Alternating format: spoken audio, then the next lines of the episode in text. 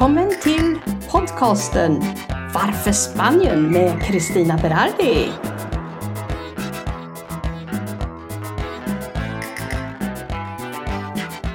Nu i lördags den 1 augusti, då skulle det bli extremt varmt. Inåt landet skulle det vara 40, 42, 43 grader och här vid kusten skulle det nå 35, 38 grader någonting sa de.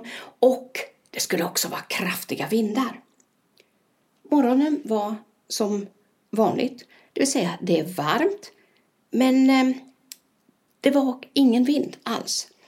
Och eh, var lite soldis, det vill säga mycket skugga, eller mycket skugga, jag, jag skulle vilja säga molnigt.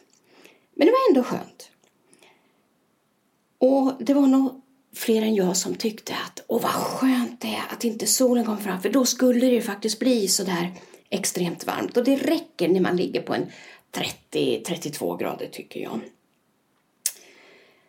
I alla fall på eftermiddagen så hade vi några goda vänner här och eh, då funderade vi på om vi kunde sitta utomhus vid mitt runda bord i trädgården för att solen tittar fram ibland och det kan bli ganska hett där. Visserligen har jag ett parasoll och det här parasollet det kan man vrida i 360 grader, jag kan höja, jag kan sänka, jag kan vinkla det också och ja, en massa finesser är det på det. Och vi sa, ja men vi sitter här ute i trädgården. Eh, det kan vara skönt. Och det var alldeles vindstilla och vi sitter där och svettas väldigt mycket. Efter en liten stund så började det mullra lite grann med åskan. Det hade vi inte hört. Det var långt härifrån men det blev lite mörkare.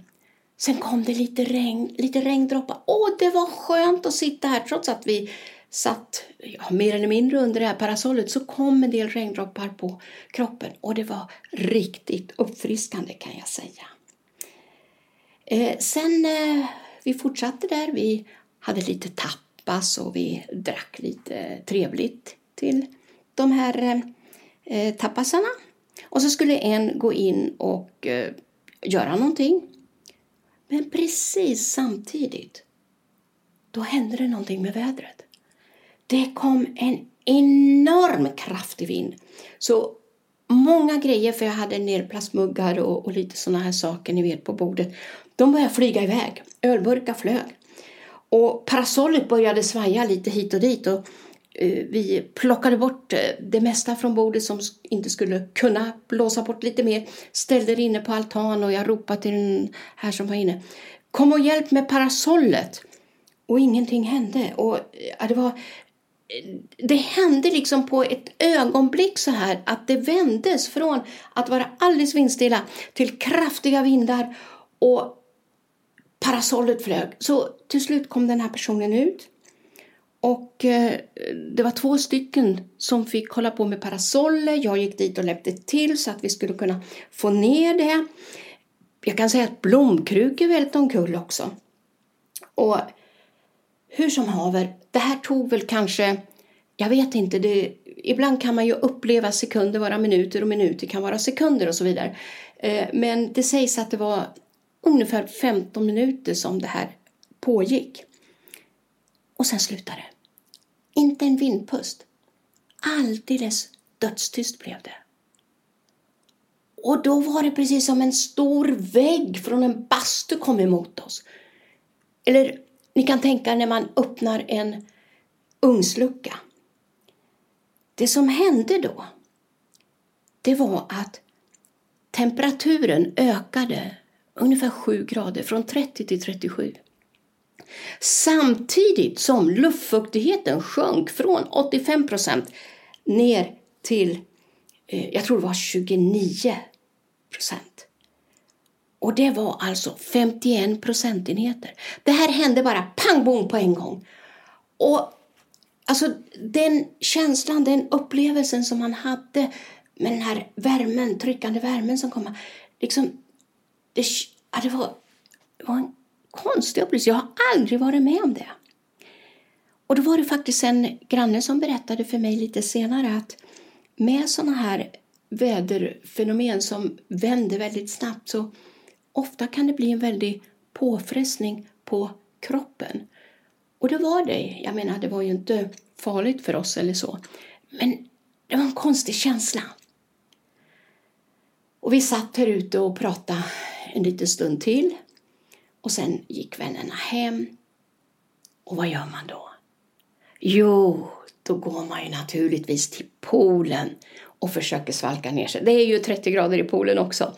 Men man tar en liten uppfriskande dusch först och sen så slänger man sig i poolen och är där ett tag. Och då känner man sig faktiskt piggare även om det kanske inte är så svalt som många tycker att det ska vara.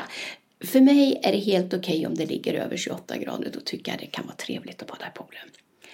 Men förstår ni vilka eh, fenomen det finns här?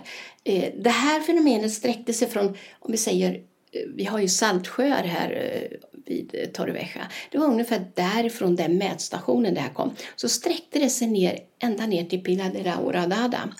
Och vi ligger ju, ja vi ligger ju kanske en tredjedel närmare södra Torrevieja än eh, Pilar. Men jag hörde att eh, temperaturökningen var högre där nere i Pilar. Så att eh, alla som var ute då befann sig i det här från alldeles lugnt och varmt till den här kraftiga vinden, temperaturökningen och luftfuktighetssänkningen. Vi fick erfara någonting helt utöver det vanliga. De som var hemma, de märkte inte det här. De märkte om de gick ut att det var lite varmare. Otroligt hur det kan bli, va? Nu byter jag ämne och eh, tänker då prata om eh, den här urbanisationen som jag bor i. Eh, det är ju ett antal ägare som har trädgårdar, precis som jag, och de är, off, de är omgärdade av cypresshäckar. Och när vi gick in i den här Estado de Alarma, det vill säga när Spanien stängdes ner, i mars och början av april, då var det faktiskt ganska regnigt. Det var inget trevligt väder, så man satt mest inomhus. Hur som helst, sen slog ju värmen till ordentligt. Och det här gör ju naturligtvis att de här cypresshäckarna växer enormt fort.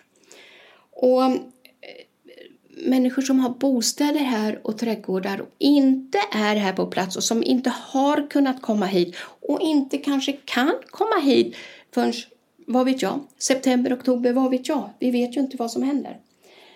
Så har ju naturligtvis de här eh, häckarna vuxit som jag sa. Och vi har ju regler här där jag bor, det vill säga maxhöjden från eget altan eller, eller eh, golv, mark kan vi säga, är 1,80 och det får inte spreta ut åt sidorna för det finns ett staket mot våra gångar och, och, och mot gatorna här. Och det får inte sticka ut där. Och det gör det nu. Det ser rent ut sagt bedrövligt ut. För att hålla en hög nivå, en standard för att det ska se vackert och attraktivt ut så är det viktigt att dessa regler innehålls. Och eh, en del då tycker, ja men så mycket kan det väl inte ha vuxit. Eh, vi kommer ner i slutet av augusti, början av september, kanske kan vi vänta. Nej, vi kan inte det för att ni alla ägarna fick tre veckor på sig. Det skulle ha varit klart här i slutet av juli och det var det naturligtvis inte. Vi tog in en trädgårdsmästare som har gjort en undersökning, har spesat alla trädgårdar, vad som behöver göras och hur mycket det ska kosta för var och en. Och då får man ha den dialogen. Och då säger det, jag måste se bilder på hur det ser ut, om det verkligen är så. Och sen ska de ha bilder efteråt. Och sen är det ju alltid något problem med eh, bevattningen, har du kollat bevattningen, är batteriet slut? Och så vidare. Ni förstår, det här är en massa extra jobb som åläggs eh, mig då som president, fast det egentligen inte ingår i mitt jobb. Men det är viktigt att det ser fint ut. Vi, vi måste hålla den här imagen uppe här nu. Då. Hur som helst, så i samma dag, i lördags, 1 augusti, så ser jag en man, väldigt vänlig och han pratar lite spanska och jag pratar lite spanska med honom. Han står där och tittar och mäter. Jag förstod inte riktigt vad han höll på med. Men sen på eftermiddagen, eller rättare sagt på kvällen när vi var på väg till poolen, då står han där och har klippt tecken. Ni förstår, han började med eh, måttband och mäter hur högt det ska vara.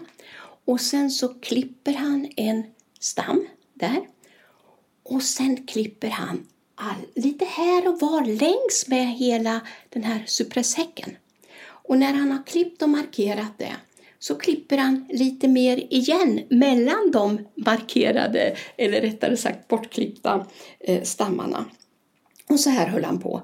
Så när vi kom tillbaka här på kvällen och skulle bada, då hade han klippt två eh, fastigheters häckar ut mot vår gång. Och jag kan ju säga, har aldrig sett någon häck som har klippts med den exakta eh, måtten som han. Det, alltså det var perfekt. Inte en gren, inte ett barr gick utanför någonstans. Det var perfekt alltså. Och eh, alltså, alltså jag, jag är så imponerad och han var så stolt, för jag pratade med honom. Och han var så stolt när jag sa, men vad vackert, vackraste häckarna är de här som du har gjort och så vidare. Va? Och han var jättestolt och glad. Och då visade det sig, det var en ryss. Och han hade då fått i uppdrag, hör och häpna, det här var ryska ägare som kontaktade honom och sa, vi behöver hjälp med våra trädgårdar. Så nu har han klippt klart häckarna mot våra gångar. Nu ska han klippa inne i trädgården för det finns ju häck även mot grannen som ska trimmas och, och göras fin. Men alltså det, det är en fröjd att se med den precision som han har när han klipper häckarna. Ah, vad mäktigt Det var precis som alla teknikgrupper i hela landet hade kommit dit och mätt och, och grejat för att det skulle bli så bra. Fantastiskt! Och det var så härligt när han var så stolt över sin prestation där. Fantastiskt alltså. Och det behövs så lite för att glädja en annan, för att visa uppskattning och ge komplimanger när de har gjort ett bra jobb. För då ökar deras yrkesstolthet och det gillar jag. Så det finns många sådana här fantastiskt trevliga, fina saker och underbara människor här.